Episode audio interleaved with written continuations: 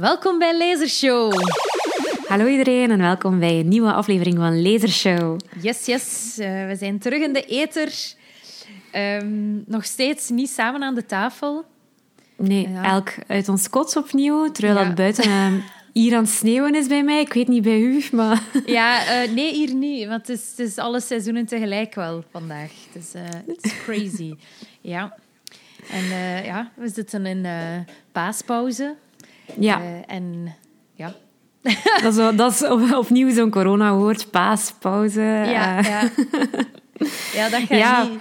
Dat gaat niet goed verouderen, denk ik. Zo de intro van onze aflevering, zo telkens... Ja, we zitten niet, nog niet samen aan de tafel. En, Het wordt zo'n corona-podcast. Ja. Um, ja, uh, alles uh, goed met jou? ja, ja, op zich wel. Uh, misschien moeten we niet te veel over corona praten, sowieso nee, niet. Nee, nee, zeker niet, zeker niet. Um, misschien moeten we gewoon praten over het, het boek dat we vandaag ja. gaan um, bespreken. Over tot de orde van de dag. Ja. En Pauline? Dus ja, uh, vandaag gaan we het hebben over uh, Shaggy Bane van Douglas Stewart. Uh, het boek dat vorig jaar is uitgekomen, denk ik. Dus ongeveer een jaar um, oud, denk ik, hè? Ja, dat zou kunnen, ja, ja. Ik bedoel, ik denk, het is in 2020 uitgekomen, maar ik wist niet ja. dat het in het voorjaar of het najaar was uh, verschenen. En het heeft uh, ook um, de Booker Prize gewonnen vorig jaar. Um, en ja, uh, ik wou het heel graag lezen eigenlijk. Uh, ook omdat ik wist dat er dan um, met het Passaporta Festival vorige week dat de auteur dan um, geïnterviewd ging worden. Um, dus ik vond het eigenlijk wel tof dat we het boek hebben gelezen en dat we dan het interview konden volgen. het was niet live natuurlijk, het festival. Het was ook opnieuw voor uw scherm in uw living. Ja. maar het was wel tof, ja.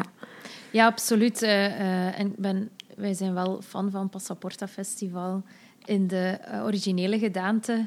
Ja, trouwe uh, fans. Ja, dus aan iedereen die het nog niet heeft geprobeerd. Het is om de, is om de twee jaar mm -hmm. in Brussel uh, dat je op verschillende plaatsen, in verschillende zalen kan gaan luisteren naar auteurs. Dat is eigenlijk een soort literatuurparcours door de stad gedurende, denk drie, vier dagen. En het komen wel best veel internationale auteurs op af. Um, en het is ook altijd interessant om dan bijvoorbeeld een ontdekking ook te doen. Of, ja. Dus meestal zijn heel wat dingen die overdag zijn, zijn ook niet altijd uitverkocht. Dus dan kun je wel, vind ik nog gemakkelijk, zo zeggen, ah, ik wil daar misschien nog naartoe en dan in die zaal uh, binnenlopen. Dus uh, echt de moeite. Ja, nu, was, nu was wel zo raar. Zo... Ja, ik heb, zo, ik heb een paar dingen meegepikt. Ik heb ook zo Maggie O'Farrell van Hamnet, waar we ook nog een aflevering over hebben gemaakt vorige zomer, heb ik ook um, bekeken. Maar dan zo, je kon, je kon, als je dat gemist, kon je dan zo nakijken of zo herbekijken. En eigenlijk, ja, ik was daar dan zo naar aan het, aan het zien, maar het voelde ook zo raar, want je zit eigenlijk gewoon te kijken naar zo'n opgenomen interview. En ja, het wordt zo wat saai, zo op een duur ook. Ik, vind, ik mis wel zo dat live gebeuren ervan. Dat je, dat, je er echt bent of dat je er echt op de moment met die auteur bent. Ja, ook al heb je dan wel van die mensen die van die super rare, awkward vragen stellen. ik weet dat er dat vaak zo is bij van die, van die live boekvoorstellingen of auteurslezingen. Iemand die zo echt iets mega persoonlijk dan begint te vertellen tijdens het stellen van die vragen. Dat iedereen dan zo aan het wachten is van waar gaat dit naartoe? Ja. maar dat is ook deel van de ervaring misschien. dat, is al, dat is al vaak gebeurd, ja. ik denk dat wij zelfs van zo bepaalde dingen in Brussel, dat er zo één iemand was dat we zelfs herkenden, dat zo, oh nee, die gaat... Ja, zowel bij Margaret Atwood als, als Ian McEwan, denk ik. Dat, dat was altijd zo dezelfde persoon die dan zo'n vraag stelde, ja. Oké, okay. nee, maar in elk geval, dat klopte. Dus um, Douglas Stewart was ook op Passaporta Festival. Was ook, dus dat je keek naar hem in een tv die met Annelies Beck praatte. Maar het Ja. was wel, ik vond het zeer interessant. Ehm, ja, we moeten misschien eens schetsen waarover het boek gaat. Ja, Ehm, dus, Doe eh, maar. Oké, dus het speelt zich af ehm, in Glasgow, in Schotland, in de ja, ja, jaren tachtig voornamelijk. Eh, en dan een klein stukje begin jaren negentig. En het gaat over Shuggy, Shuggy Bane. En eh, Shuggy groeit op in een moeilijk milieu, eh, een arm milieu van ehm, ja, fabrieksarbeiders die massaal tijdens het Thatcher-regime uh, zonder job vallen. Uh, en die dan massaal ook ja, in armoede terechtkomen, maar ook verslaafd geraken aan de, aan de drank. En het is eigenlijk een generatie die, um, ja, nog, ja, die, die eigenlijk zichzelf opnieuw moet uitvinden, maar die ook dan al het niet zo, niet zo hoe zeg je dat, ja het ook al niet zo goed had ervoor. Dus het is de arbeidersklasse uh, die een aantal zekerheden hadden, maar dan nu eigenlijk ook dat niet meer hebben. En hij groeit op in een gezin waar dat, uh, ja, alcoholisme ja, de klok slaat. En um, vooral dan um, zijn moeder, daar heeft hij een... Um, ja, leef, hij, is eigenlijk degene die de verslaving van zijn moeder um, ja, hoe zou je het moeten formuleren? Hij probeert dat eh, te dragen. Hij probeert zijn moeder te dragen uh, en haar te verzorgen. En dat eigenlijk zo heet dat niet reverse parenting. Hij, hij, probeert alles om haar te helpen. En ja, dat is uh, eigenlijk de kern van het verhaal. De relatie tussen Shuggy en zijn mama, die uh, verslaafd is. Ja, ja, het boek is eigenlijk zo opgedeeld in, in zo, ik denk, vijf delen die gelinkt zijn aan de plaatsen waar dat ze dan wonen op dat moment. En we volgen Shuggy eigenlijk vanaf dat hij vijf jaar is, denk ik, tot zijn zestiende ongeveer. En we groeien eigenlijk op met hem.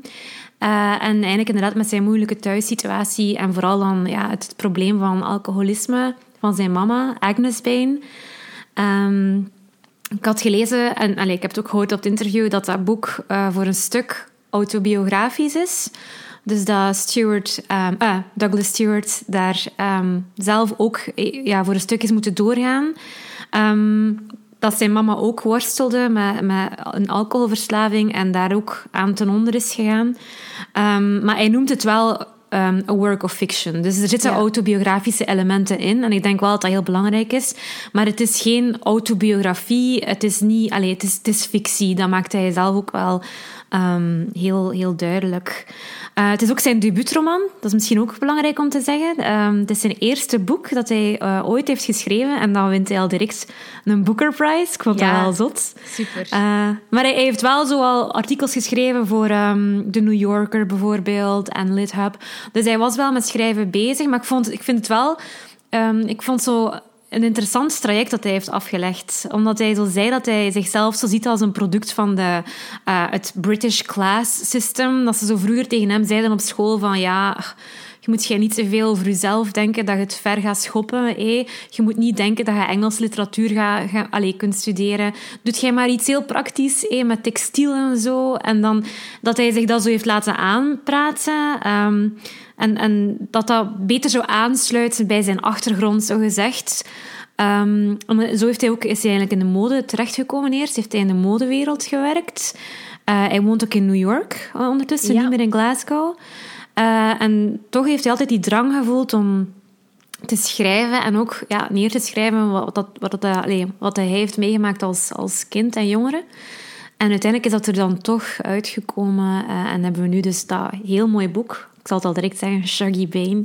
Ja. Um, dat we nu vandaag een beetje gaan bespreken. Hè. Ja, inderdaad. Ja, inderdaad. Douglas Stewart is, uh, is echt een merkwaardig uh, parcours van rags to riches. Hè. Ja. Um, want net zo... Hij heeft, heeft dus uh, zelf een... een een mama gehad die aan verslaving ten onder is gegaan. En op een bepaald moment ja, was hij... Hij woonde alleen, zei hij. Hij had niemand. Hij had ja, niemand rondom zich op zijn zestiende. En dan, hij ging naar school en hij zei wel dat er leerkrachten waren die hem echt zo hebben voortgestuurd en in hem geloofden. En dat dat ook dankzij hen is dat hij dan op dat pad is gebleven. En dat hij zei dat, dat het socialisme... Of ik weet niet, ja, socialisme, wat zeg ik nu? Ik weet het niet of dat... dat ik weet niet of dat ik het zo moet omschrijven. Nee, want... Ja, ik denk wel zo labor en de welfare ja, state en zo. Hè? Ja, dat die wel um, hem daardoor hebben kunnen helpen. En heeft, hij heeft ook een aantal kanalen kunnen aanboren om dan verder te gaan. En, en...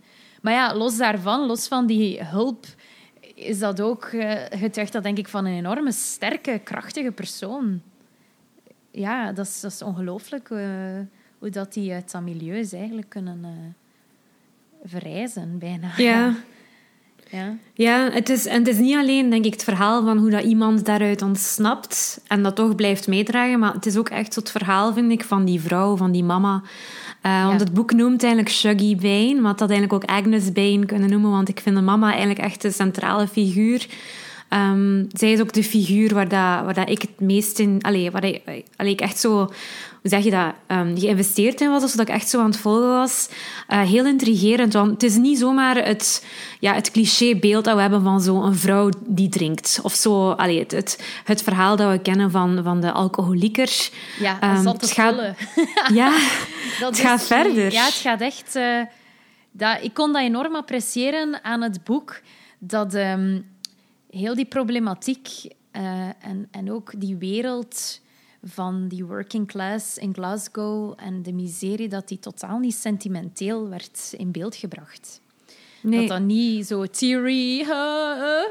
Ook al is het dikwijls echt heel pijnlijk en wat er gebeurt, maar ik vind dat die Douglas Stewart heel observerend kan schrijven en dat je daardoor, ik weet niet, een, een heel kleurrijk en daardoor is dat de, e-, die emoties rond zo, ah, nou, mijn mama is op het slechte pad of uh, dat dat niet de overhand neemt. En dat je als lezer... Allez, Annelies Beck zei dus in dat interview van Douglas Stewart van, dat je je als... Um, je voelt je welkom in die wereld en je voelt je niet gedwongen tot een oordeel. Dat je niet zegt van... Ja, en dat, dat, dat, dat, sprak mij enorm aan. Dat je niet zo denkt van... Amai, dat is allemaal zo fucked up wat er hier gebeurt. Die moeder die kan het hier niet aan. En dat je dan je, je boek daar wilt gooien van, of zo. Dat is totaal niet. Dus die, die vrouw is zo... Heeft zoveel, is zo veelzijdig. Ja, het, is niet, het is inderdaad niet wat je zegt. Het is niet gewoon dat we iedere keer die miserie zien, maar we zien ook zo verschillende kanten van haar. Allee, ze is, Agnes is ook gewoon heel grappig. Ja. Um, alleen maar echt, ik moest soms ook lachen. Ja. En ze is ook, ze is ook gewoon, ze is heel trots. Um, ze heeft zo echt zo'n een, een, trotsheid dat ze ook aan Shuggy um, doorgeeft. Want Shuggy worstelt zo'n beetje met zijn uh, identiteit en zijn seksualiteit ook. Hij voelt zich vaak anders. daar gaat het ook voor een stuk over eigenlijk in dat boek. En ik denk wel dat we dat al kunnen zeggen. Ja. De andere kinderen schelden hem vaak zo uit. En wat zeggen ze zo van, you're such a poof, of, of a pansy, of wat is het allemaal. Ja. En, en zijn mama is dan echt zo de figuur die, die zo zegt van, ja, maar allee, je zijt gewoon allee, wie dat je zijt en, en put on a show. En en ze, ze zet zich dan zo helemaal op, geschminkt en al, zoals um, Elizabeth Taylor, denk Ja, ik, de juist. actrice. En ik zag dat echt zo voor mij, dat ze dan zo uitgaat en als ze zo geschminkt is met dat zwart haar en die ogen. Ik zag echt zo een Elizabeth Taylor voor mij die dan zo rondloopt in zo dat, dat uitgestorven mijnstadje waar dat er niemand meer is en waar dat iedereen zo gewoon rondhangt op straat omdat de mijnen gesloten zijn en dat er dus gewoon, gewoon geen werk meer is. En ik vond dat, ik vond dat mooi dat ook die, ja, ondanks het feit dat ze echt gewoon soms al haar geld ehm, uitgeeft aan drank en dat daar kinderen geen, geen eten hebben en zo, dat ze toch ergens ook een trots heeft ehm, met momenten die dan toch weer de kop opsteekt. Ehm, maar het weegt natuurlijk wel heel hard, denk ik, om het kind te zijn van, van zo'n ouder. Ja, absoluut. Ja, ja die, die moeder, die, moeder die, die maakt zich dan helemaal op om dan te gaan onderhandelen bij de kruidenier wat dat ze nog kan krijgen voor zo'n paar centen. En dan ruilt ze ook de soep in voor blikken bier. En dan op het einde hebben ze alleen gewoon dat bier mee naar huis en eigenlijk geen eten en zo. Ja, het is, uh, het is inderdaad Ja. allemaal zo dubbel en zo... Ja, Het, het verwonderde mij ook dat het altijd zo ging over blikken bier, inderdaad. Hè. Dat, dat, dat die vrouwen er allemaal zo bier aan het zuipen zijn, zo bij de halve liter zo, en echt zo blijven gaan.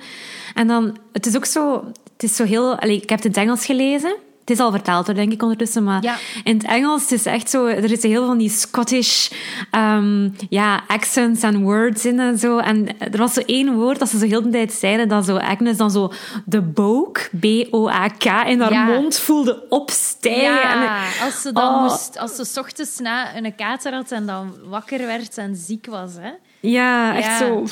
Ja, dan heb ik even zo opgezocht van wat, wat is dat eigenlijk? Dus het is, allee, het is echt gewoon.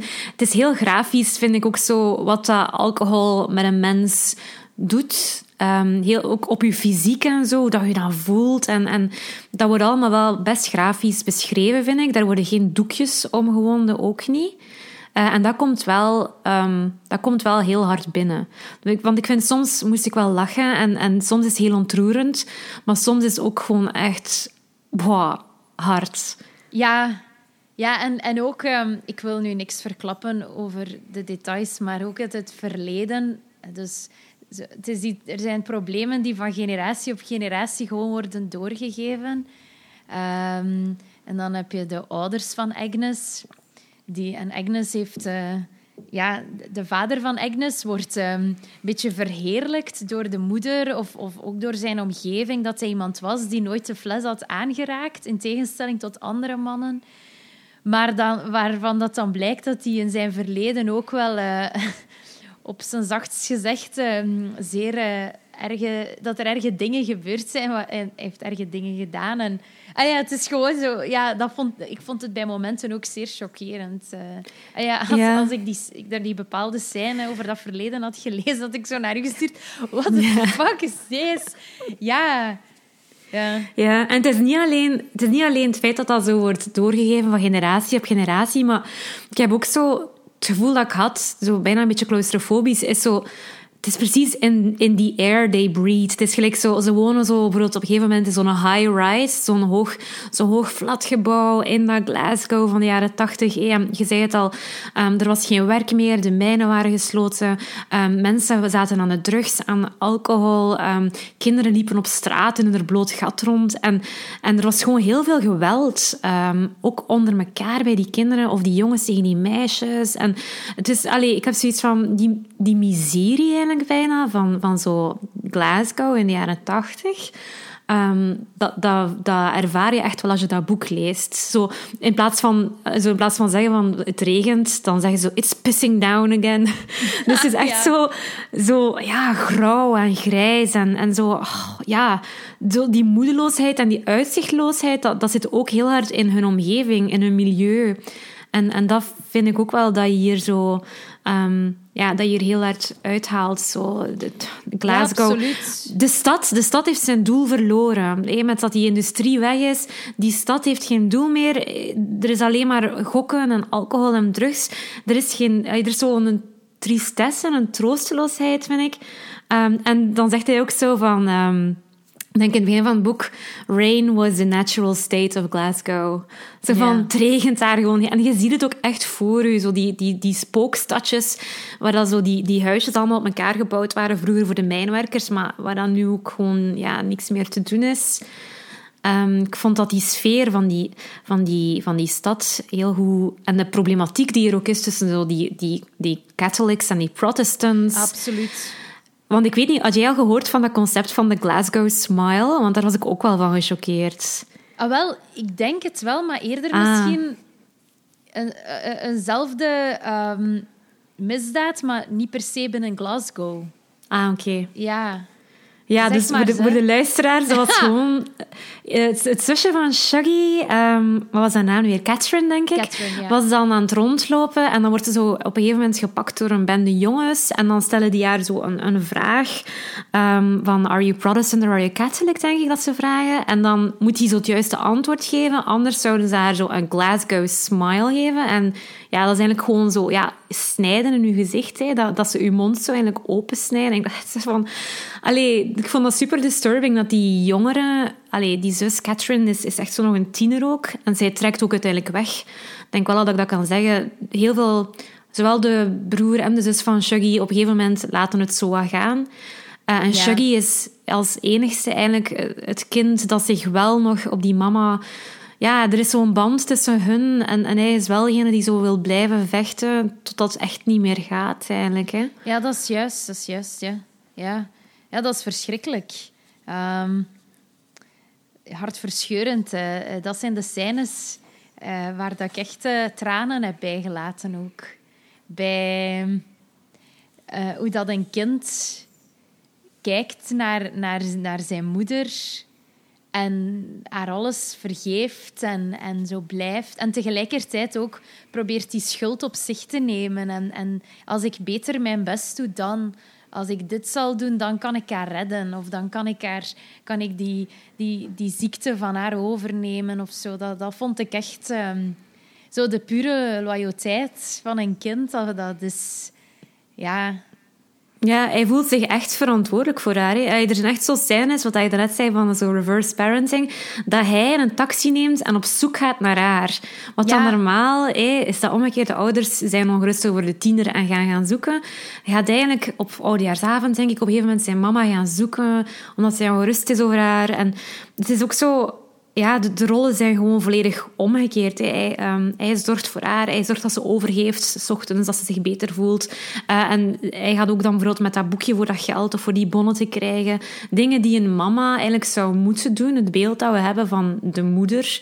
Ehm, ja, dat, dat lukt Agnes op een gegeven moment niet meer. Hè. En ik had ook gelezen in de, de recensie, eh, een recensie van de Washington Post. eh, en dat vond ik eigenlijk wel waar. Ik zal even quoten. Shuggy Bain gives voice to the kind of helpless, hopeless love that children can feel towards broken parents. En dat vond ik echt zo, ja, zo die, dat gebroken die gebroken moeder eigenlijk. Hè. Het leven... Ze is niet altijd zo geweest, maar het leven heeft haar neergebracht of zo. ja En, en ja, hoe, dat, hoe dat een kind daar mee, mee omgaat eigenlijk.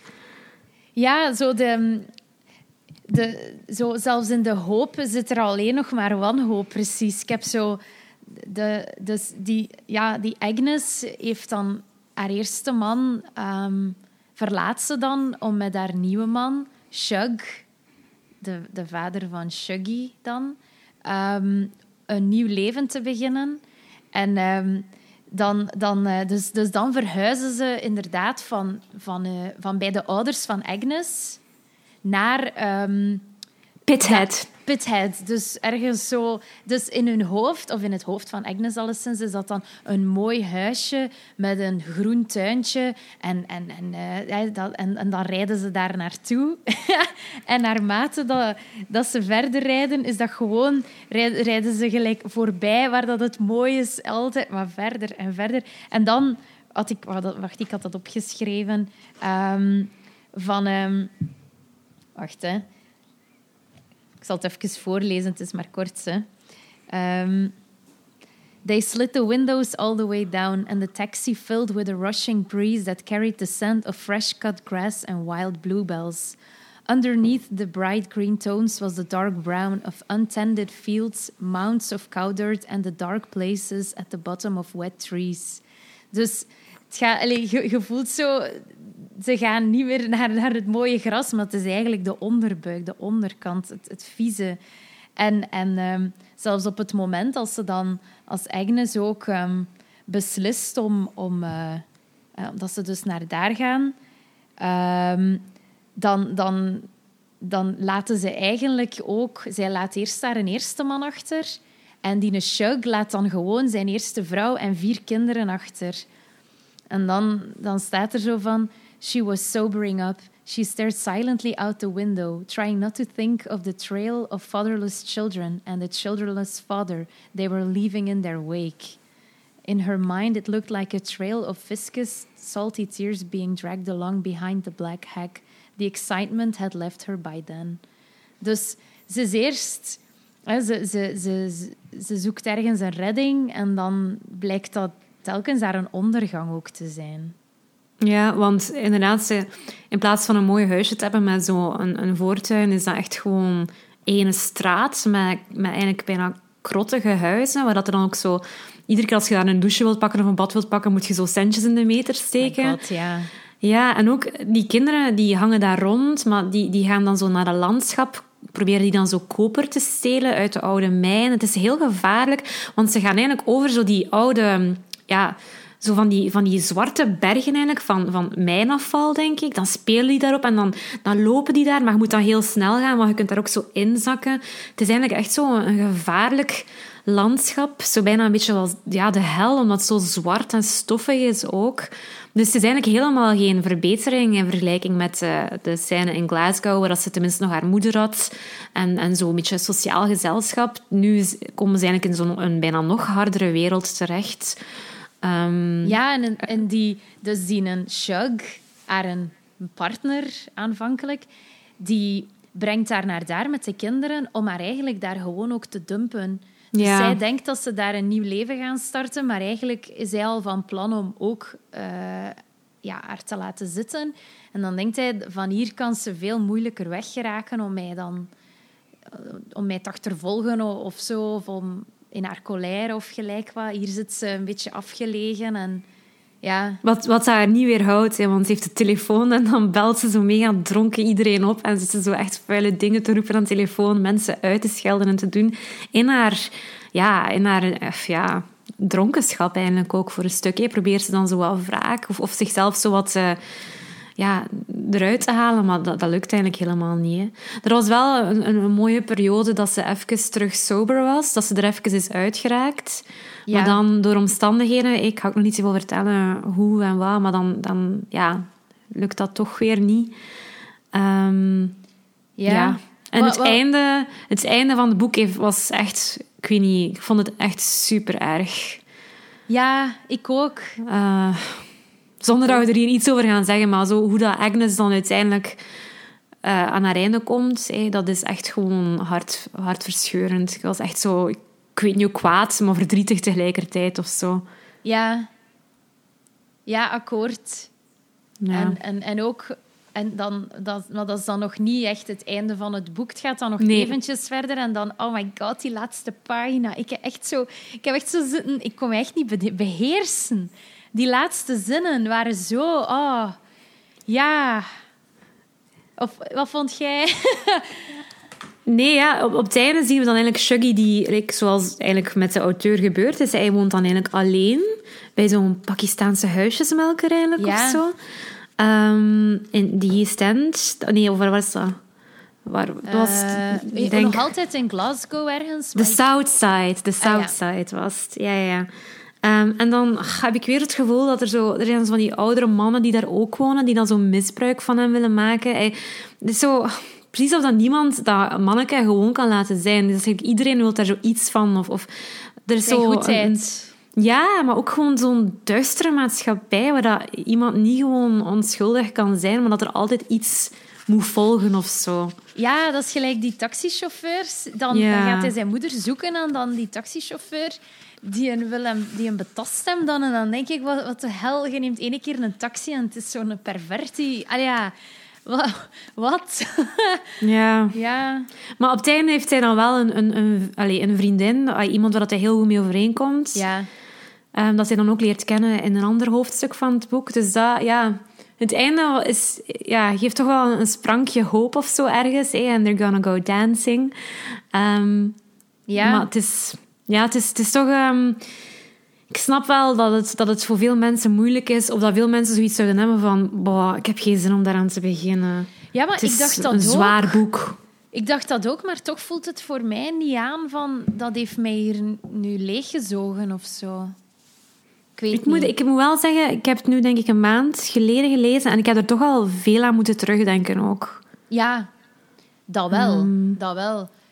Het is. En is ik denk gewoon ook- heel zintuigelijk en heel... Ja. kunt u alles gewoon supergoed voorstellen, hoe dat het wordt beschreven. Je zit er helemaal in, hè, in die wereld. Ja, ik was ook, ben ook al twee of drie keer in Glasgow geweest. En, en ik vind ook wel hoe dat, ehm, Douglas Stewart dat beschrijft, dat is ook echt wel die stad. Die stad is super mooi, hè? er zijn heel mooie plaatsen, maar het is ook soms echt zo. Dan kom je zo op plaatsen waar je echt denkt van, oké, fuck, hier zou ik beter niet na tien uur nog over straat lopen. Ehm, het, is, het is ook zo ja, heel grauwe stad met momenten. En er is daar zo'n plaats, de, de Barras. En ehm, ik weet dat wij toen zo... We waren aan het couchsurfen en, en we wilden daar naartoe gaan. Want dat is zogezegd een volkse plaats, zo'n markt. Waar ze dan zo... En op het einde zijn ze daar. Dus Shaggy en zijn vriendin. Ah. Dat is, ja, dat is die plaats. En dat is echt wel... Dat is zo'n grote, een grote straat met overdekte marktkraampjes in, in de East End ook. En ja, die sfeer... Ik werd daar direct naar teruggecatapulteerd van toen dat we daar zo aan het rondlopen waren. Dat is echt zoiets dat we eigenlijk hier in België niet echt hebben, vind ik. Is, dat is echt zo heel... Ja, ja, echt zo specifiek aan, aan Glasgow, denk ik. Oké. Ja. Ja, dat, ehm, heb je gelezen over het Glasgow-effect? Nee. Dus blijkbaar is, wat dat betreft mortaliteit en zo, ligt die in Glasgow veel hoger dan in, in, in de rest van de UK en, en Schotland en zo en Ierland. En ehm, dat is dus tot voor nog altijd een mysterie dat, dat komt. Dat dus de levensverwachting van mensen daar lager ligt dan, uh, dan in de rest van uh, de omgeving van het land. En er zou een combinatie van heel veel factoren zijn. Dus ja, uh, het klimaat, maar evengoed um, vitamine D-tekorten. blijkbaar ook een van de verklaringen zou kunnen zijn, ik begrijp het niet helemaal, maar dus dat ze um, nieuwe housing projects hebben opgericht en dat ze dan massaal jonge mannen naar daar hebben gelokt, waardoor dat dan een, het zwakkere deel van de bevolking, de ouderen en de minder uh, ja, gezonde mensen achterbleven in de stad of zo. Ik begrijp, niet goed eh, wat dat... Dus dat is een bepaald deel van de, die, de demografie, of zeg je dat, eruit werd gefilterd en elders ging wonen. En ja, blijkbaar het desolate landschap. Uh, dat heel veel dingen tegelijkertijd zouden gezorgd hebben voor dus uh, slechte gezondheid. En, en, en dus maar er is ook gewoon, want dat vermeld je dan bijvoorbeeld niet, er is ook gewoon volgens mij echt wel heel veel criminaliteit. Ja, dat ook. Want, ja, ik weet nog dat ik daar naartoe ging voor de eerste keer. Um, dan een vriend van mij die daar had gewoond, die zei zo van ja, je moet wel weten hey, dat Glasgow, dat is zo uh, de knife stabbing capital of the UK. Dus dat is blijkbaar de plaats waar de meeste mensen worden neergestoken. Ja. Um, en dan vooral in het uitgaansmilieu eigenlijk. Echt zo s'avonds, in de weekends. Zo clubs en zo, waar dat ze ja. dan zo op straat... Uh en dus ook wel als je daar bent in het weekend, want allee, ik denk de laatste keer dat ik daar was, was eigenlijk om het begin. Um, wij hebben zo de West Highlands Way gewandeld, dat is zo 150 kilometer. Dat je, en je begint eigenlijk in Glasgow. Dus dat, allee, je moet dan denk ik een treintje nemen dat, dat u brengt van Glasgow naar de suburbs. En dan begin je aan die wandeling eigenlijk. En dan, ga, dan wandel je helemaal naar Fort William. En we waren daar twee dagen op voorhand geweest om even nog terug wat in Glasgow uh, rond te hangen. Supermooie musea ook. Um, en wat ging ik nu zeggen? Over ja, dat stabbing. Ja, dat heb ik gelukkig niet meegemaakt. Ja. Want het is wel, als je daar zo in het weekend um, en in de avond, zo vrijdagavond rondloopt, dat is echt, ja, mensen staan te zuipen op straat. Dat is echt, dat is een heel kleurrijke, maar tegelijkertijd ook wel een harde realiteit. Dat die echt gewoon, die gaan dan zo uit en dat is, die roepen, love En allee, het is echt zo, ja, een, een, een heel en ja, ik zeg dat, ik kan dat zo niet goed vergelijken met, met, met België of zo. Ik vind eigenlijk toch nog iets anders of zo. Ja, in Dublin vind ik dat ook. Ja, dat die uitgaan zien zo vrij... Ja, dat echt zo is drinken, drinken, tot als je gewoon op straat neervalt en dan zo... Maar dat bedoel ik dus, ja. ja. Ook die studenten, want allee, hier is het ook een studentenstad en er is hier ook een uitgaansleven. Maar daar konden zo heel goed onderscheiden wie dat zo de, de Erasmus-studenten waren van het continent en wie dat zo de, de Ieren waren, hoe dat die zo zich gedroegen in dat uitgaansleven en zo. Dat was echt zo een aparte cultuur bijna. Dat je dacht, wow, die gaan hier heel diep. Ja. Ja. Er zijn ook wel wat problemen met alcoholisme natuurlijk. Uh, ja. Ja. ja, en dan in dat boek, in dat boek lezen we... Allee, dat, dat gaat er ook eigenlijk voor een stuk over, hè. Um, ja, ik wou ook nog, want we waren nog aan het denken voor een oldtimer. Ja. En omdat je het nu hebt over Dublin, ja, um, de, ik ga het even gewoon er, erbij steken, want er zijn, de, het boek dat we hebben gekozen als oldtimer heeft heel veel links, eigenlijk vind ik, uh, met Shuggy Bane. En um, de oldtimer van deze week is Weet jij het nog? Ah, de as van mijn moeder, van Frank ja. McCourt, ja. Ja, Angela's Ashes, uh, of De as van mijn moeder van Frank McCourt. We hebben die alle twee gelezen, hè. Uh, misschien moeten we even daarover... Oh my god. ik vond het zo wat grappig, omdat we het eigenlijk een beetje op dezelfde uh, verkeerde leeftijd gelezen hebben. Eigenlijk ja. alle twee, omdat onze mama het aan het lezen was. Hè? Ja, onze, ja, dus ik denk dat dat dan begin de jaren 2000 was, dat dat boek is verschenen. Is dat 2001 of zo? 96 is het boek. Ah, ja. ja. Oké. In elk geval... 90s. Ja, de, ja dus, en dan inderdaad, onze moeders lazen dat blijkbaar in vertaling dan uh, uh, als wij 13 of zo waren, of 14 of 12. Ik was alleszins... Ik was jonger dan 14, denk ik. Ik zat in het middelbaar, zoiets. Zo de, ik, zo de eerste jaren van het middelbaar. Ah ja, voilà, voilà. En dan, dan het gaat over uh, in Ierland, zeg, de, de, de echt extreme armoede.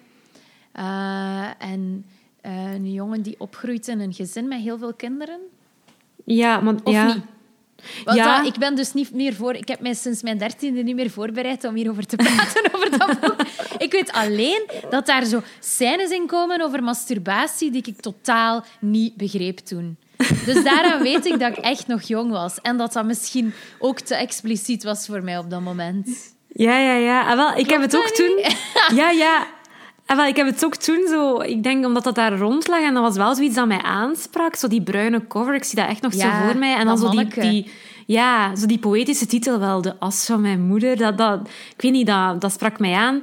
Eh, ik heb het nu dus herlezen voor de podcast. Heb je het in het Engels ehm, gelezen dan nu? ja, ja. An- Angela's Ashes. Dus misschien moet ik gewoon even kort zeggen. ehm, dus het is verschenen in 96. eh, en het heeft dan een jaar later de Pulitzer Prize gewonnen. Ik wist Ja, dat niet. dat wist ik, Voor eh, biography or autobiography. Je ziet dat wij in Ehm, de wieg gelegd waren om een boekenpodcast te doen als we in het lager al Pulitzer-winnaars lazen. probeer te lezen. Probeerden, ja, en niks begrepen van die masturbatiescènes. Totaal eh, fucked. Oké, ga maar verder, ga maar verder. Eh, ik ben even mijn draad kwijt. Ah ja, dus dat de. Pulitzer gewonnen en het was uit 96. Ja, en dus ja. De, de schrijver is eh, Frank McCourt. En hij, ehm, het is eigenlijk een soort van ja, biografisch verhaal, zo gezegd. Want ik heb daar nu heel veel over gelezen. Ehm, en het gaat eigenlijk over... ehm, over hoe dat hij eigenlijk met zijn familie terugreist. De omgekeerde beweging gaan van Brooklyn, eh, New York, terug naar Limerick, Ierland. Limerick, ja. Terwijl de meeste Ieren van Ierland wegvluchten naar Amerika om een beter leven te eh, leiden, hebben zij de omgekeerde beweging gedaan. Ah. Eh, omdat, ja, er waren heel wat problemen in, in ehm, Brooklyn en ze zijn daar een babytje, een zusje verloren. En dus de mama van Angela, dus de grootmoeder van het kindje in het boek, eh, Frankie of Frank, betaalt dan geld om hun terug te laten komen naar Ierland, om terug bij de familie te zijn, zo gezegd. Dus dat is echt, ja, dat wist ik ook allemaal niet meer eigenlijk hoor. Ja. Ja, en dus we krijgen eigenlijk ook hetzelfde, eigenlijk een, coming of age. Het verhaal van, van Frankie die opgroeit, maar dan wel natuurlijk in de jaren 30 en 40. Dus het is een heel andere time era. Het is ook niet in Schotland, het is in Ierland, in Limerick. Maar ehm, ik vond het heel herkenbaar, omdat ze ook echt in, in heel harde armoede opgroeien en, en dat ze heel vaak honger hebben.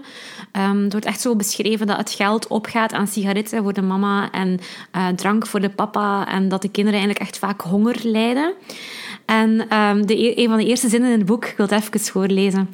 Ehm, ik vond het... Allez, het is, het is erg, maar het is ook weer grappig. Het is weer zo diezelfde toon een beetje, vind ik. When I look back on my childhood, I wonder how I survived at all. It was, of course, a miserable childhood. The happy childhood is hardly worth your while. Worse than the ordinary miserable childhood is a miserable Irish childhood. and worse, het is niet gedaan. Oh. And worse yet is a miserable Irish Catholic childhood. En dat is het childhood dat Frank McCourt, Frankie, dus eigenlijk eh, ondergaat. En opnieuw, zo die, die sfeer dat we daarnet zeiden van Glasgow, dat krijgen we nu dan zomaar in Limerick. Dus het is echt zo, ze wonen daar in zo'n krottenwijk en het regent constant. Eh, hun, hun keuken regent dan onder en ze gaan dan naar de bovenverdieping. Dat noemen ze dan Italy en dan wonen ze daar. ja. en, en ook die rivier, de River Shannon, ja, die gaat dan over en die maakt mensen ziek en kindjes gaan dood en ze hebben longproblemen. En het is ook Die zo... vochtigheid. Ja, maar het is de armoede van de omgeving die eigenlijk ook de mensen fysiek en mentaal heel hard raakt.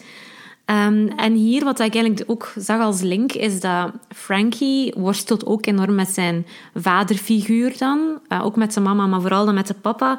Want de papa heeft ook een enorm groot ehm, drankprobleem. Ehm, dat is zo'n figuur die zo heel veel verhalen vertelt, zo die Irish stories en zo. Eh, en hij heeft ook in de IRA gevochten tegen de Engelsen. Ehm, maar iedere avond, als hij geen job heeft gevonden, komt hij thuis bezopen aan zingen.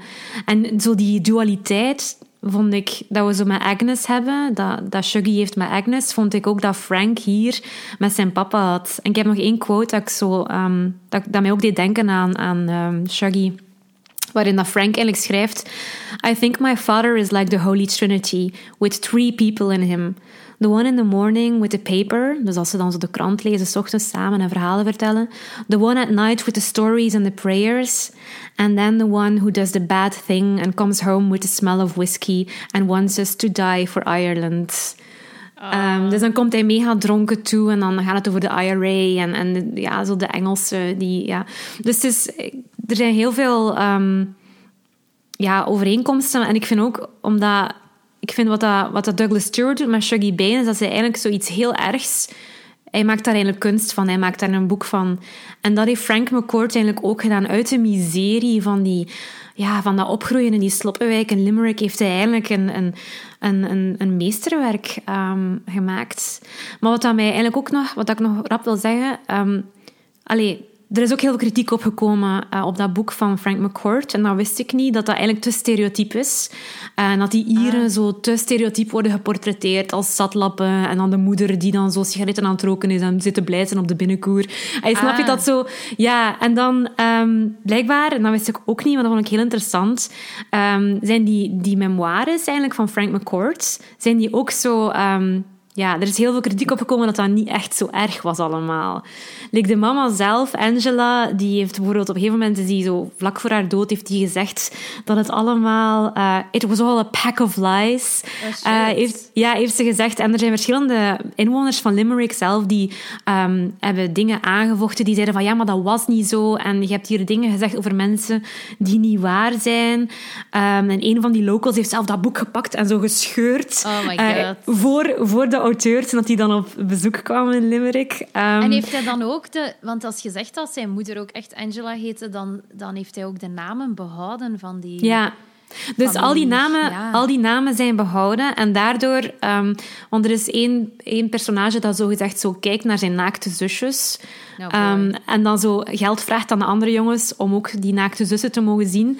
En dat was blijkbaar helemaal niet waar. Dus die heeft eigenlijk die naam... Dus die man die echt bestond, dat was een, een bochelaar. Um, ze noemden die Quasi... ja, ze die Quasimodo trouwens. Ah, ja. Ja, en dat was dus blijkbaar helemaal niet waar. En er was iemand die heeft zo um, alles dat niet correct is uh, opgeteld. En die zei dat er eigenlijk 117 uh, inaccuracies in dat boek zitten. Dus 17 dingen dat eigenlijk helemaal niet waar zijn. En toen ik dat zo begon te lezen, begon ik wel zo te denken van ja, amai, dat is, dat is wel veel. Dus uh, ze zeggen van eigenlijk dat Frank McCourt zijn eigen moeder en zijn miserie zo heeft ja, geprostitueerd bijna om, om zijn boek te schrijven. En dat brengt mij dan tot het laatste dat ik erover wou zeggen, is dat... het genre, ik wist niet of dat je dat wist, maar dus Frank McCourt wordt vaak zo. Ja, dus ah, hij wordt dus vaak, ja, hij wordt vaak gecredit met zo dat genre van de misery memoir ah. of mislit um, blijkbaar gestart te hebben. Maar ik had er eigenlijk nog nooit van gehoord van de misery memoir of de mislit. Jij wel? Um, nee, nee niet, niet, ik kan er mij wel van alles bij voorstellen. Dus daarom ook, want aangezien dat ik dat vind ik zo goed aan Shuggy Bane, dat ik, dat ik dat niet sentimenteel vond. En dan denk ik inderdaad aan boeken die misschien passen bij wat jij nu zegt, die Misery Lit of... Ehm, ja, en het gaat meestal over iemand die dan dat milieu, waar dat hij wordt geslagen of waar dat er dan problemen zijn, dat hij dat achter zich kan laten. Of dat zij dat achter zich kan laten. Zo, iets heel Amerikaans, maar blijkbaar is dat een super lucratief genre, heel populair. Ehm, in de UK wordt dat blijkbaar heel veel gelezen. En in sommige boekenwinkels, like Waterstones, hebben ze zelfs een aparte kast daarvoor. Um, dus het is blijkbaar echt wel een, een ding. Maar er wordt vaak ook kritiek op geleverd dat dat eigenlijk vooral mensen aantrekt uit een zekere vorm van voyeurisme. Ja, dat je daar eigenlijk, hey, dat je daar bijna zo op kikt, op die miserie. En dat dat, ja... Dus dat vond ik wel, um, dat vond ik wel interessant. En die boeken dat jij bedoelt, zijn dat dan... Dat zijn dan misschien van die memoires inderdaad. Zo, ah, wel, ik vond het... Ik ging u dan nog vragen... Romans ik ging u dan nog vragen, want ik had dan zo hey, dat genre een keer gegoogeld, omdat ik daar echt nog niet van had gehoord ja. van Mislet. Is dat J.D. Vance en zo? Wordt dat daarbij uh? Ja, en, en ook... Um, ja, dus The Glass Castle van Janet Walls en ook uh, Educated van Tara ja, Westover. Ik dacht maar wel dat ook, dat ging uh, gezegd Ja, maar ook, en dat ging ik nog aan jou vragen, um, Wilde Zwanen van... Van Jung Chang? Ja. Ah, Misschien dus wordt het gewoon ook... aangetrokken tot dat soort... ja, voor de, voor de luisteraars, ik heb dat boek hier liggen van Eline geleend. Dus vandaar ik dacht zo, ah tja, want ik ben er nog niet aan begonnen. Maar dan moet ik vragen aan Eline of dat ook zo inderdaad... Herken je dat? Oh. Ja, ik vind dat... Ik, ik, ik weet niet... Is, heb je het gevoel dat Frank McCourt verwijtend kijkt naar zijn familie? Of... Mijn momenten wel en mijn momenten niet. Mm. Ehm, ja, ik vind het moeilijk, omdat ik weet echt heel weinig over, over China en over die... eh, Ja, hoe dat de dingen er historisch aan toe gingen. Dus ja, ik vind het moeilijk om te zeggen, ja, die overdreef of die... Of die... Ik vond het alleszins niet sentimenteel. Ik vond wel... Ik vind Wilde Zwanen een van de ergste boeken die ik al heb gelezen. Gewoon omdat je zo... Je leest over die Mao en over die hongersnoden en dat land eh, ondergaat zoveel veranderingen op superkorte tijd. En het is gewoon heel fascinerend dat zij dat kan vertellen aan de hand van haar grootmoeder, haar moeder en zichzelf. Hoe dat, dat zo ja, allemaal gebeurd is. En dat mensenlevens precies niks waard waren. Dat iedereen zo voor idealen zich volledig verloor. Ehm, maar ja, ik, ik- zo, zo slachtofferporno zou ik het niet noemen. Ja. Eh, want ja, dat, dat, ik, weet, ik weet wat dat je gaat zeggen. Ja, ik, weet, ik weet over, welk eh, boek. Ik, ik ben nu de titel vergeten. Ah, Een Klein Leven. Ja, Ah. A Little Life, zeker is het ja, ja, dat wordt slachtofferporno genoemd. hè. Jana, Jana Gihara. Ja, Jana Gihara. Eh, ja, ik heb dat dus die, heeft, die heeft dat genre misschien naar een, een nieuw hoogtepunt gebracht of zo. Ja, maar ik moet wel... Dus daarom vind ik dat, dat de Shuggy Bane wel goed ontsnapt. Want dat vond ik bij J.D. Vance, bij ehm, eh, eh, Hillbilly Elegy. Ja. Ehm, ik weet de titel niet in het Nederlands. Het is wel intussen vertaald. is het verteld? Ah, ja, wist ik niet. Ik heb, Ah, het, ja. ik heb het ergens gezien. Ehm, dat vond ik wel. Dus dat, dat dan gaat over dat hij zo opgroeit in, een, bij een, in de... In welke staat is dat? Dus Maar in verschillende, hè. hij zit in Kentucky. Mountains Maar hij, hij zit in die. Appala- ja, Appalachian Range zo. Maar het is zo verschillend. Het is Kentucky en Virginia voor een stuk. Want hij gaat dan naar zijn, naar zijn oma en zo. Ja, Ja. en dus daar vond ik wel dat dat zo, zo nog grotesker was nog. De manier, Ja. ja.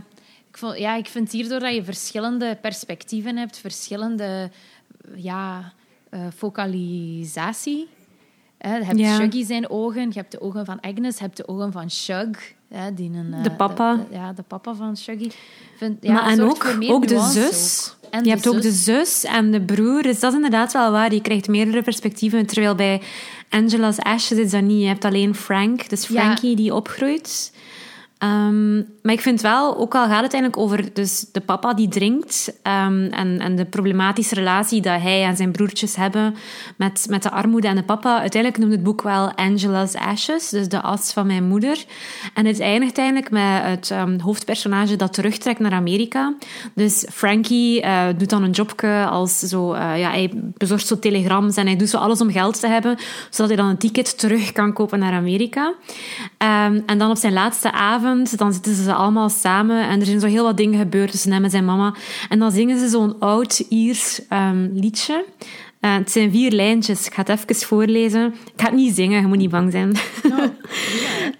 A mother's love is a blessing, no matter where you roam. Keep her while you have her. You'll miss her when she's gone. Oei. En dan, dan zingen ze dat zo aan tafel. En dan de dag daarna gaat Frankie naar Amerika. En ja, ja, ik moest zo nadenken ook over dat idee van... Ja, a mother's love is a blessing. En het is zoiets waar we heel vaak aan voorbij gaan. Zoiets dat we voor vanzelfsprekend nemen. En dat idee dan van dat Iers volksliedje... hé, dat je dat pas gaat beseffen als je mama er niet meer is dan pas ga haar missen. En ik kreeg opeens gelijk zo'n paniekaanval of zo van... Shit, ik wil niet dat mijn moeder er ooit niet meer gaat zijn. Ja, Snap je? En ik vond dat wel zot dat zo boeken dat zo kunnen losmaken. En nu dat je dan echt zo begint na te denken over je eigen familie en je eigen mama. Ehm, ja, Ja. ik vond dat gewoon wel straf. die kinderen moeten, moeten bezig zijn met dingen die dat, dat, totaal niet horen bij hun leeftijd. Ja, die Ja, maar totaal zelfs- niet- Ja, zeg maar, zeg maar. Zelfs los daarvan vind ik dat ook al... Allee, ik denk dat ik kan zeggen voor ons alle twee, wij hebben niet zo'n dingen meegemaakt met onze ouders. Maar ik vind wel dat dat je doet nadenken over de, in het algemeen de moederrol en de, of, de, de verantwoordelijkheid dat je hebt als moeder. Of dat je krijgt een keer dat je moeder wordt. Ehm, ja, dat, gewoon in het algemeen meer, buiten al die miserie waar dat hij dan confron allee, mee geconfronteerd wordt met dat zijn mama een, een drankprobleem heeft, maar gewoon het ouderschap op zich. Maar misschien is dat ook de leeftijd dat we hebben, dat je daar ook meer over nadenkt, denk ik. Ja. Ehm, ja. Of niet? Ik, ik, ja, ja ik, denk, ik denk dat dat sowieso... Ik moet, moest daar ook wel over denken. En ik was dan ook aan het kijken naar Als je eens wist, die reeks op Canvas van Hilde van Michem, gaat over partnergeweld. En ehm, eh, dan, dan komen er ook altijd uh, psychologen en mensen van justitie aan het woord. En dan was er iemand van hen die zei van... Je, je bent je kind één ding verschuldigd en dat is een onbezorgde jeugd als ouder.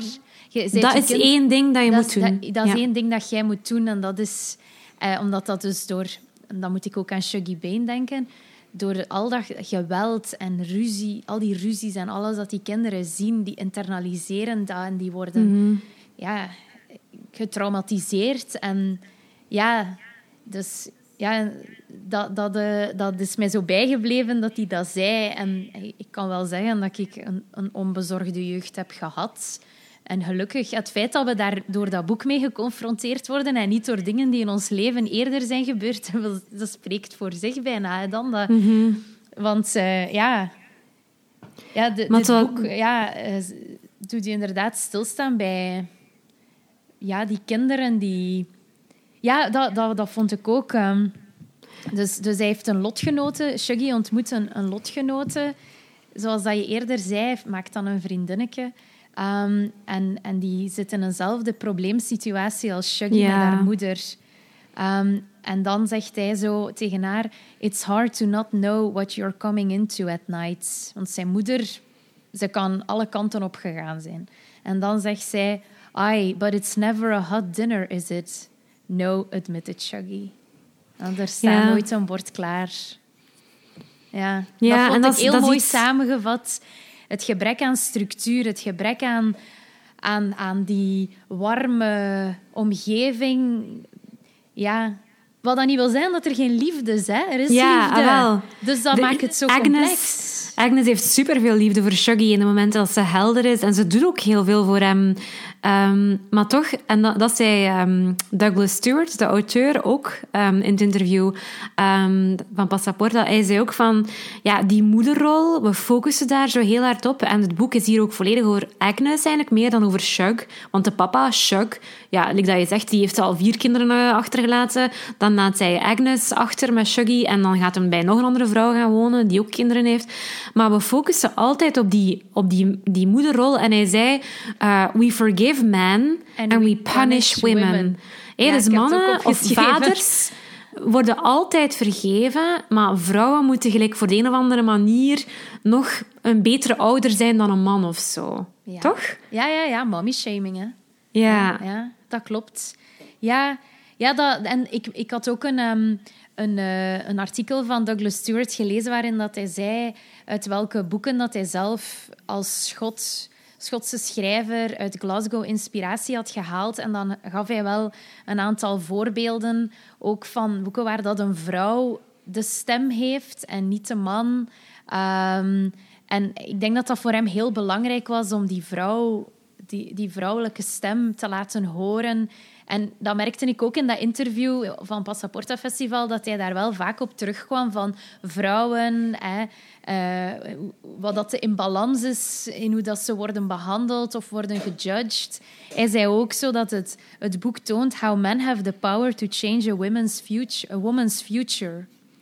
Dus dat, ja, lijkt dat ik daarnet zei, die een shug, die een steekt daar dan ergens zo ergens ver weg in een huis en hij is dan weg en hij, laat, en, en haar, hij gaat weg en haar toekomst is volledig weer verwrongen en ze geraken dan zwanger en die kinderen blijven dan bij hen en ja, dat is... Ja. Maar hij is ook heel gewelddadig naar haar. Er is zo één... Helemaal aan het begin van het boek, toen, toen... Ik was denk ik voor jou begonnen en toen dacht ik echt van ik weet niet of ik eraan wil verder gaan. Dat is echt nog voordat het boek zo echt begint, dat je zo de personages pas leert kennen. Um, dat zij zo gelijk een, een weekendje weg zijn naar Blackpool of zo. Denk. Of die zijn zo naar de zee en die, die willen zo ja, een beetje uitgaan. Maar dan is zij super gewelddadig tegen haar. Dat hij haar zo aan haar haar op die trap trekt en zo. En, ja. oh, ik weet nog dat ik toen dacht van... oh, oké, ik, wil, ik, ik wil even niet verder lezen of zo. Ik heb het dan een week laten liggen. Ah, echt? Ja, ik wou even, even zo, uh, omdat dat zo violent was, dat hij um, deed tegen die vrouw.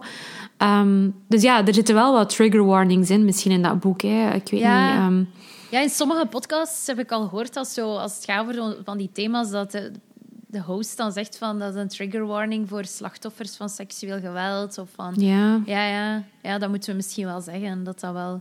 ja, zo, want dat partnergeweld, ja, zeker als in een shug aanwezig is, is inderdaad heel grafisch ook. Hè. Ja.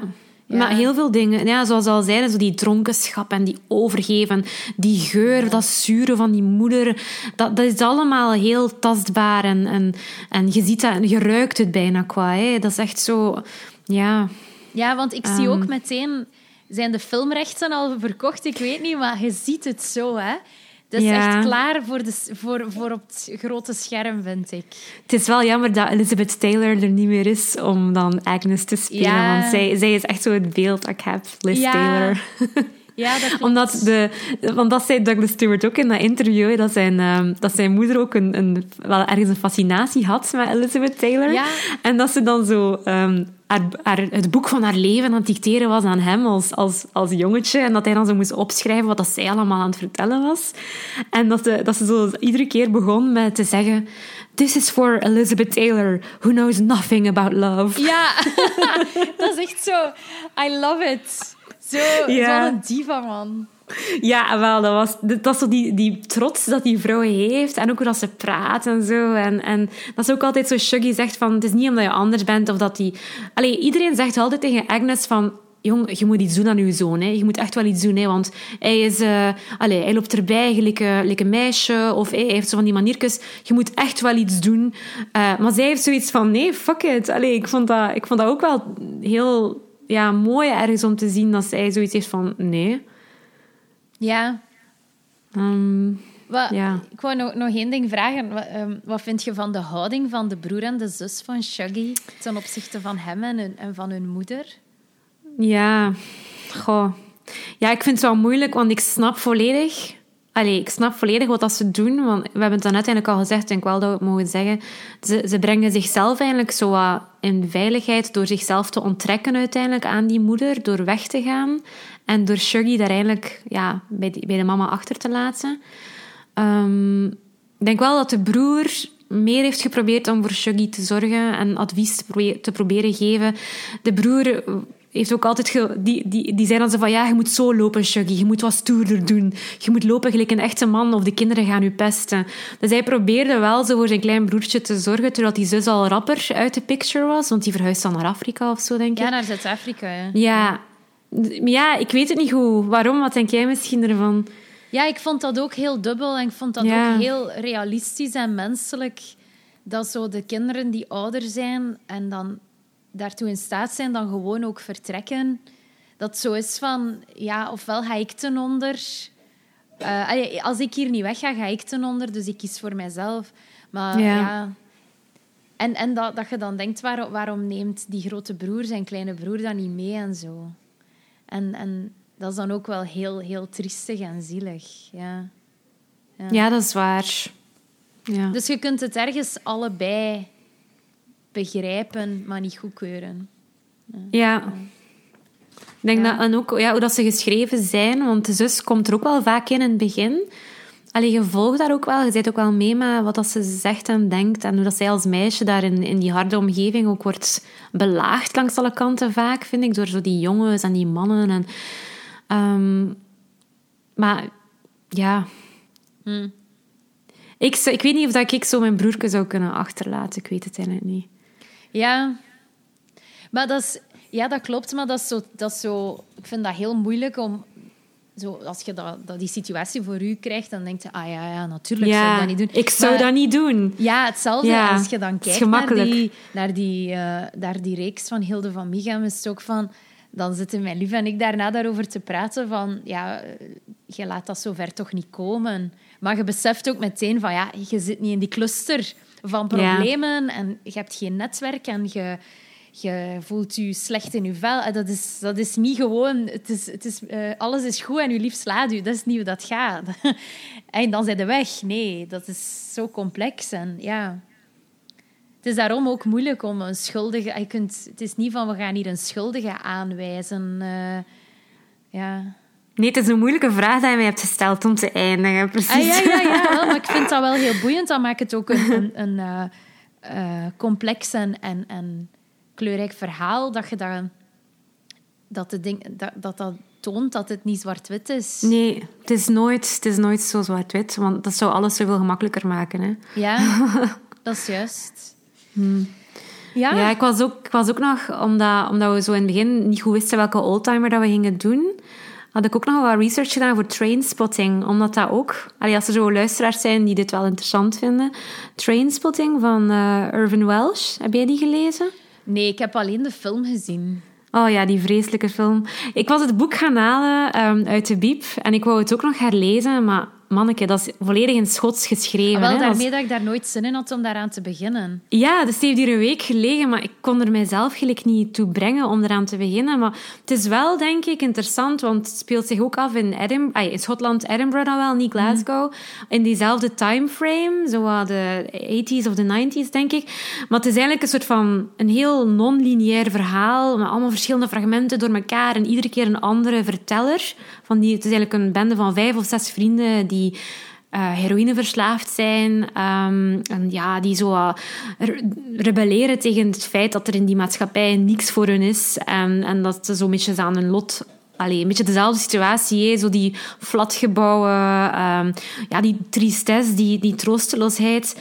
Um, maar ook daar blijkbaar, die heroïneverslaving wordt vrij grafisch beschreven. Mm. Uh, en ook in die film dat is denk allee, die film, als je die ook hebt gezien, die is echt wel baanbrekend, denk ik, in dat um, aspect dat hij echt zo gewoon toont. Ik heb onlangs een stuk met mijn leerlingen bekeken ook, dat echt gewoon de, de naald, allee, de, de, heroïne wordt gespoten, je ziet het zo allemaal. Ja. Um, dus ja, dus het gaat ook over verslaving in feite, maar dan zo ook bij, bij, bij jonge mensen en dan ook in die Schotse Um, die Schotse setting. En blijkbaar, dat wist ik ook niet, is dat boek uh, blijkbaar heel vaak verbannen geweest. Dat is zo een van die banned books, wist je dat? Ah, nee, nee, nee. Nee, dat wist ik niet. Ja, Omdat dat blijkbaar, zo is dan. Ja, dus door het taalgebruik, dat er heel veel cunt en shit en fucking allemaal... ja. Oei, hopelijk gaan we, nu ah, deze... gaan we niet in de miserie komen met onze podcast met dat ik dat hier nu zeg. um, maar dus, en ook, uh, de, dus ja, inderdaad, dat graphic drug use uh, en het geweld dat erin voorkomt. Dus blijkbaar was dat uh, geband in Rusland en in Griekenland. En je mocht dat ook niet lezen in Guantanamo Bay. Dus de gevangenen daar mogen... Ja, dus die mogen geen trainspotting lezen. Vraag mij niet waarom, maar dus dat staat daar op de lijst van boeken dat ze niet mogen lezen. Ja, Douglas Stewart zei dat hij dat boek aanvankelijk echt haatte. En dat eh, hij zei, is echt? Ja, hij zei... De, hij, wacht, hè, ik had hier... Um, maar toch niet in dat interview van Passaporta, of wel? Nee, nee, nee, daar heeft hij ah, gezegd. Maar dus, hij had dus een lijstje gemaakt van allerlei boeken die dus ook in dezelfde context uh, passen als zijn eigen boek. En dan zei hij over Trainspotting... I hated it in the 90s... As a boy who grew up with an addict for a mother, I couldn't bear what I saw as the glorification of junkies and drunks. It was an yeah. earth shaking cultural moment, and then to see middle class university students go on a poverty safari and ape the skag shake that was decimating my hometown was galling to me. But in the end, the failing was all mine. This book is a classic for all times. Dus hij heeft zich wel. Ik denk toen dat allemaal nog heel vers was voor hem, dat hij dat niet, totaal niet kon appreciëren, maar dat hij dat nu wel van op, met een grotere tijdsafstand, dat hij dat wel kan waarderen en, en, en zo. Dat, dat schrijft hij. Ja. ja, ik vind het wel zo die glorification. Um, daar, vind jij dat dat klopt? Ah, wel, ik vind van niet... Ik snap het ergens wel. Hè. Ik snap van waar dat, dat komt, waarom dat hij dat zegt. Uh, want blijkbaar is dat een kritiek die veel is gekomen, vooral ook op de film dan. Mm. Um, maar zo ik van, vind I niet... chose not to choose life. I chose something else. En dan in dat liedje noemt hij zo op wat er allemaal... Zoals, alsof de keuze is tussen een, een, goed, zo een, een zalige junk zijn of zo... Uh, uh, choose a fucking big television. Ja. zo alsof dat je een consument bent of je bent een, een heroïneverslaafde. Ja, ja. De kritiek op de maatschappij wordt zo... Allee, als je gewoon meedoet met het leven en je hebt een job en je pay your bills at the end of the month, dan ben je zo gezegd een slaaf van het kapitalistische systeem. Maar als je verzet en, en je aders vol met heroïne spuit, dan ben je een rebel. En ik merk wel bij tieners, hey, wat, dat, wat dat Stuart ook zei, van, van dat. Dat die um, tieners of universiteitsstudenten daar zich zo wat toe aangetrokken voelen, dat is wel ergens. Die rebellie natuurlijk, dat is ook de leeftijd, denk ik. Maar ik vind niet dat zo heroin use, um, dat dat geglorieerd... Uh, wat is het woord in Nederlands? gevierd. Ja, ja, dat vind ik niet. Want ik vind als er één film is dat mij echt heeft toen indenken van fuck, ik durf dat nooit niet doen, is dat die film. Dat is echt nog... Bah, dat vind ik, nee, dat was dan weer... Ah, goh, dat vond ik zo sensatie. En dan zo, oh, die ene verkrachtingsscène. Nee, dat, dat heeft mij nooit... Nee? Maar die scène, daar zit... Omdat... In Trainspotting, die regisseur, um, wie was dat nu weer? Danny Boyle, denk ik. Ja, die, die toont echt hoe, hoe, dat, hoe dat het eruit ziet als je zo die Die ene scène met die baby dat zo over het plafond kruipt. Ja, en, en met die wc. Ja, dat, dat, dat is Die baby zo... is super eng. Ja, ik heb daar soms nog nachtmerries van. van zo'n baby. Ja, een baby dat zo aan het kruipen is op het plafond achterstevoren. Ja. my god. Ik vond dat, dat heeft echt indruk op mij gemaakt. Dus ik vind... Um, ik, ik heb ook tegen mijn leerlingen gezegd van... Kijk, er zijn heel veel mensen die vinden dat die film eigenlijk misschien niet getoond moet worden aan jongeren. Want je zou wel een keer het verkeerde beeld kunnen geven dat drugs nemen cool is. Maar ik vind dat die film, zeker in de context, want we hebben ook andere fragmenten bekeken en besproken, mm. vind juist dat dat echt eigenlijk geen reclame is voor, voor heroïne. Want allee, die gaan er allemaal aan ten onder uiteindelijk, die personages. Sick Boy en hoe noemen ze allemaal. Ja. Um, um, ja, zeg maar. Ik ging gewoon zeggen, maar die film is wel... Allee, dat is, en, en dat boek eigenlijk, dat is eigenlijk een soort van cultureel fenomeen geworden. Hè? Denk, want ik had zo uh, gelezen dat die blijkbaar uh, de top... Dus eigenlijk in de top 10 staat van de 100 beste Britse films van de ah. British Film Institute. Okay. Dus die hebben zo'n top 100 gemaakt van de beste Britse films ooit. En dat zijn er like, ja, veel. En ik ben zo'n filmfreak, dus ik zat yeah. te kijken. En Trainspotting staat dus in die top 10... Uh, dus de tiende beste film van UK dat ooit gemaakt is. Dus dat is, wel, dat is wel crazy, hè? Ja, dat is zot. Dus die film heeft wel een impact gehad, denk ik. Ja, wel, ik moet zeggen zo, dat dus, dat, dus in, de, in het rijtje van boeken die ik misschien te vroeg heb gelezen, uh, dat ook zo Christiane F. zat. De Baanhof, de Baanhoofkinderen. Ja, kinderen van Baanhof zo. Ja. Dat is ook zo. Mijn mama zei... dat was wel een, een heel interessant boek. Nooit dat gelezen. zij dat had gelezen toen dat ze een tiener was. dat gaat dan over Christiane F., die, die in Berlijn in dat heroïne-milieu verzeild geraakt als jong meisje. En ja. um, die dan uh, ja, zichzelf prostitueert in het station. Um, om dan samen met haar liefje en zo te kunnen spuiten. En ik heb de, ook die film gezien, dan vele jaren later, een paar jaar geleden. En dat vind ik ook wel enorm, uh, ja, disturbing. Ja, en, nooit gezien en nooit gelezen, maar ik, ik, heb er ook al veel van gehoord. En ja. die Christiane F., die bestaat echt. Uh, die, uh, ja, en die is ook nog, nog door, gedurende vele jaren zo dat was zo dan bijna gelijk een bekende Duitse, zo gelijk een BV. Maar dan ah, ja, was ja. hij altijd terug in de problemen. En, ja. Maar dat, dat, die film is ook... Blijft wel uh, hangen. Ik denk dat hij ook vaak zo in één adem wordt vernoemd met Trainspotting. Ah, is waar? Um, ja. ja. ik denk dat wel, omdat dat zo... Maar dat is dan in de... Welke tijd? Is, is dat dus de 80s of de 70s Ik denk dan? de jaren 70. Ja. Wacht, zo, die Christiane is, F. is... Is zelfs dus geboren in 1962, staat er hier. Ah ja, dat, dat de 70s, 80s zijn. Sorry, zeg maar hoor. En ik zeg gewoon dat waarschijnlijk... Ja, ja. Um, dat is zo, er is zo'n scène met, met, met... Dus in de soundtrack zit David Bowie, hè? Ja, ik weet het. Uh, van ja. We Can Be Heroes. Ja, Heroes dat is grappig. Zo. Dat is zo'n film waar ik eigenlijk heel veel van weet en al heel veel over gelezen heb, maar nog nooit gezien heb, effectief. Ja, ja dat moet je zeker eens doen. Moet je zeker ja, doen. als ik, als ik er klaar voor ben. Ja, ja. Misschien heb ik het even wat gehad met... Uh, wacht, wat was nu weer de naam? De uh, Misery Literature. Ah, of ja, de, mis, voilà, voilà. de, mis, de Mislit. De Mislit. oh, misschien moeten we nog naar de laserstralen gaan. Ja, um, ik zeg vijf. Ja. Een van de beste boeken ehm, die ik de afgelopen jaren heb gelezen. Iedereen moet het lezen. Het is super toegankelijk. Ja. Ook al is het triestig, maar het, het is echt... Ik vind het ook... Die stijl, eh, je zit erin. Je kunt er iets uit leren. Het, is, het raakt u. Ja, Ja, afgeklopt. Ik ga akkoord vijf. Ik had ook vijf sterren voilà. eh, in mijn hoofd. En misschien komt er zelfs nog, want eh, Douglas Ja. Stewart zei dat hij aan het schrijven is, dat aan, allee, aan een nieuw project al, waar dat Shuggy niet het hoofdpersonage zal zijn, maar waar dat Shuggy misschien wel een klein rolletje.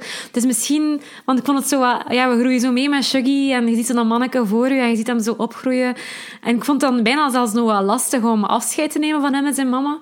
Ehm, omdat hij er zo mee in zit. Dus misschien zien we hem nog terug in een, eh, in een ander toekomstig boek van eh, Douglas Stewart. Ja, want hij wil rond dus die Glasgow-scene blijkbaar... Ja. Of ja, daar, daar lijkt het op. Wil hij meer eh, schrijven en... eh, ja. Ja, eigenlijk een beetje zoals Frank McCourt heeft gedaan. Hè? Want Frank McCourt heeft eerst Angela's Ashes geschreven over zijn mama en zijn childhood in Ireland. En dan heeft hij Tis geschreven eh, over zijn leven dan terug in Amerika, hoe dat hij daar is verder opgegroeid. Ja. Want Tis was eigenlijk de laatste zin in Angela's Ashes. Like, ik denk, iemand zegt zo tegen, tegen Frank zo van... Life is grand, isn't it? En dan zegt Frank zo op één pagina, de laatste pagina... Tis, van Ah. it is. Ja, ja, ja. En dan, ja. wordt, ja, en dan wordt dan zijn, dus het, ehm, het tweede boek in dus de trilogie noemt Tis. En dan het derde boek, en dat is eigenlijk misschien ook nog wel interessant voor ons, dat noemt Teacher Man. En daar praat hij dan eigenlijk over zijn ervaring als leerkracht in zo'n probleemscholen eh, in New York Ah. en zo. En hoe dat hem gevormd heeft en zo. Dus hij heeft ook een drieluik gemaakt eigenlijk over zichzelf en ja, zijn jeugd en opgroeien en, en toch wel problemen in de maatschappij, zoals verslaving en onderwijs. En, ja. Dus misschien wordt het ook ja. een soort van universum dat Stuart Bain, eh, Stuart Bain, dat Douglas Stewart Ja, ja. ja, gaat maken. Ja, misschien, hè. Ja, ik heb denk ik dat tweede boek ook gelezen. Maar toch, ik heb daar gelijk niks meer van. Ik zie alleen een Ja. voor mij. Dat is met zo'n dingen van New York of zo, met geel. Ja, het is geelachtig en hij zit gelijk op een stoel of zo met zijn benen open. Ja, ik denk, denk het, ja. Ik zou ze nu niet direct... Allez, ik was aan het denken van misschien moet ik dat gaan halen, maar toen dacht ik zo van nee, ik vond Angela's Ashes eigenlijk wel mooi, maar ik hoef niet per se te weten hoe het dan met hem verder gaat in Amerika. Ik vind juist zo dat, dat Ierse en, en zo... Ja, Limerick en zo, dat, dat, dat boeit mij dan net iets meer of zo. Ehm, maar wie weet zijn ze misschien ook wel goed. Hè? Als er luisteraars zijn die die andere boeken hebben gelezen van Frank McCourt, laat het ons weten. Ah, ja, ja, of dat voilà. dat de moeite is of niet. Voilà, voilà. Oké, right. dan, eh, dan eh, time to wrap up. Eh, Ja. Laten we het woord nog aan de onbekende lezer. En Is goed. eh, dan eh, zien we elkaar bij Leven en Welzijn een volgende keer terug. Dat is goed. Oké. Dag, iedereen. Dag. Salut. Hey, dag Eline en Pauline en luisteraars van de Lasershow. Ik ben Bart en eh, aangezien ik Wil van Jeroen Olieslagers gedurende 8 maanden en 23 dagen heb uitgeleend, althans volgens Eline, en dat zonder het te lezen voelde ik mij enigszins moreel verplicht ten aanzien van Eline en de hele literaire wereld om ook eens de onbekende lezer te zijn in jullie show. Ehm, volgens mij was ik ook al eens gevraagd om jullie aflevering over graphic novels, slash comics of strips als onbekend lezer te figureren, maar heb ik het dan laten afweten. Dus luisteraars weten denk ik genoeg over mij. Ik ben kort samengevat een slechte vriend en een slechte lezer. Voorgaande mededeling was overigens een bruggetje naar het boek, of beter de strip, die ik gekozen heb en ook dit jaar gelezen heb. Safe Area Gorazde van Joe Sacco een Maltese-Amerikaanse striptekenaar die doet aan een soort comic book journalism, waarbij dat hij een bepaalde kwestie, meestal politiek-maatschappelijk, om het zo maar te zeggen, uitspit, om er dan een boeiend verhaal van te maken. Een goede weekendreportage in de Standaard Weekblad dus, maar dan een van 250 pagina's en met prentjes. In dit geval gaat het over de Balkanoorlogen en meer bepaald de etnische zuiveringen tijdens de Bosnische oorlogen in het stadje Gorazde. Uh, Sacco verbleef zelf als een van de weinige of enige journalisten daar in Gorazde, terwijl eigenlijk alle aandacht ging naar het mediageniekere Sarajevo. De reden waarom dat ik dit boek zo warm wil aanbevelen, of deze strip, is tweeledig. Enerzijds slaagt Secco erin om een voor mij, ik ben 33, ik was dus een jaar of 5 à 10 toen het allemaal gebeurde, een redelijk onbekend hoofdstuk van de Europese geschiedenis op een zeer heldere en ook genuanceerde manier weer te geven. Of die indruk had ik toch. En tegelijkertijd slaagt hij erin door zijn extreem empathische vertelstijl en de zwart-wit tekeningen die je meteen katapulteren naar een grauwe, godvergeten plek in de Balkan, om mee te leven met de levens van alle mensen. Want het zijn mensen en geen personages die hij weergeeft in zijn boek. Op bepaalde momenten had ik ook wel echt de krop in de keel. En als een verhaal erin slaagt om iets bij te brengen, op zowel intellectueel, tussen als emotioneel vlak, dan zit je met iets goed, volgens mij. Van harte aanbevolen dus, en ook zonder iets te spoilen, denk ik. Ik ga deze review dan wel parafraseren en op Goodreads zetten, als dat goed is voor jullie.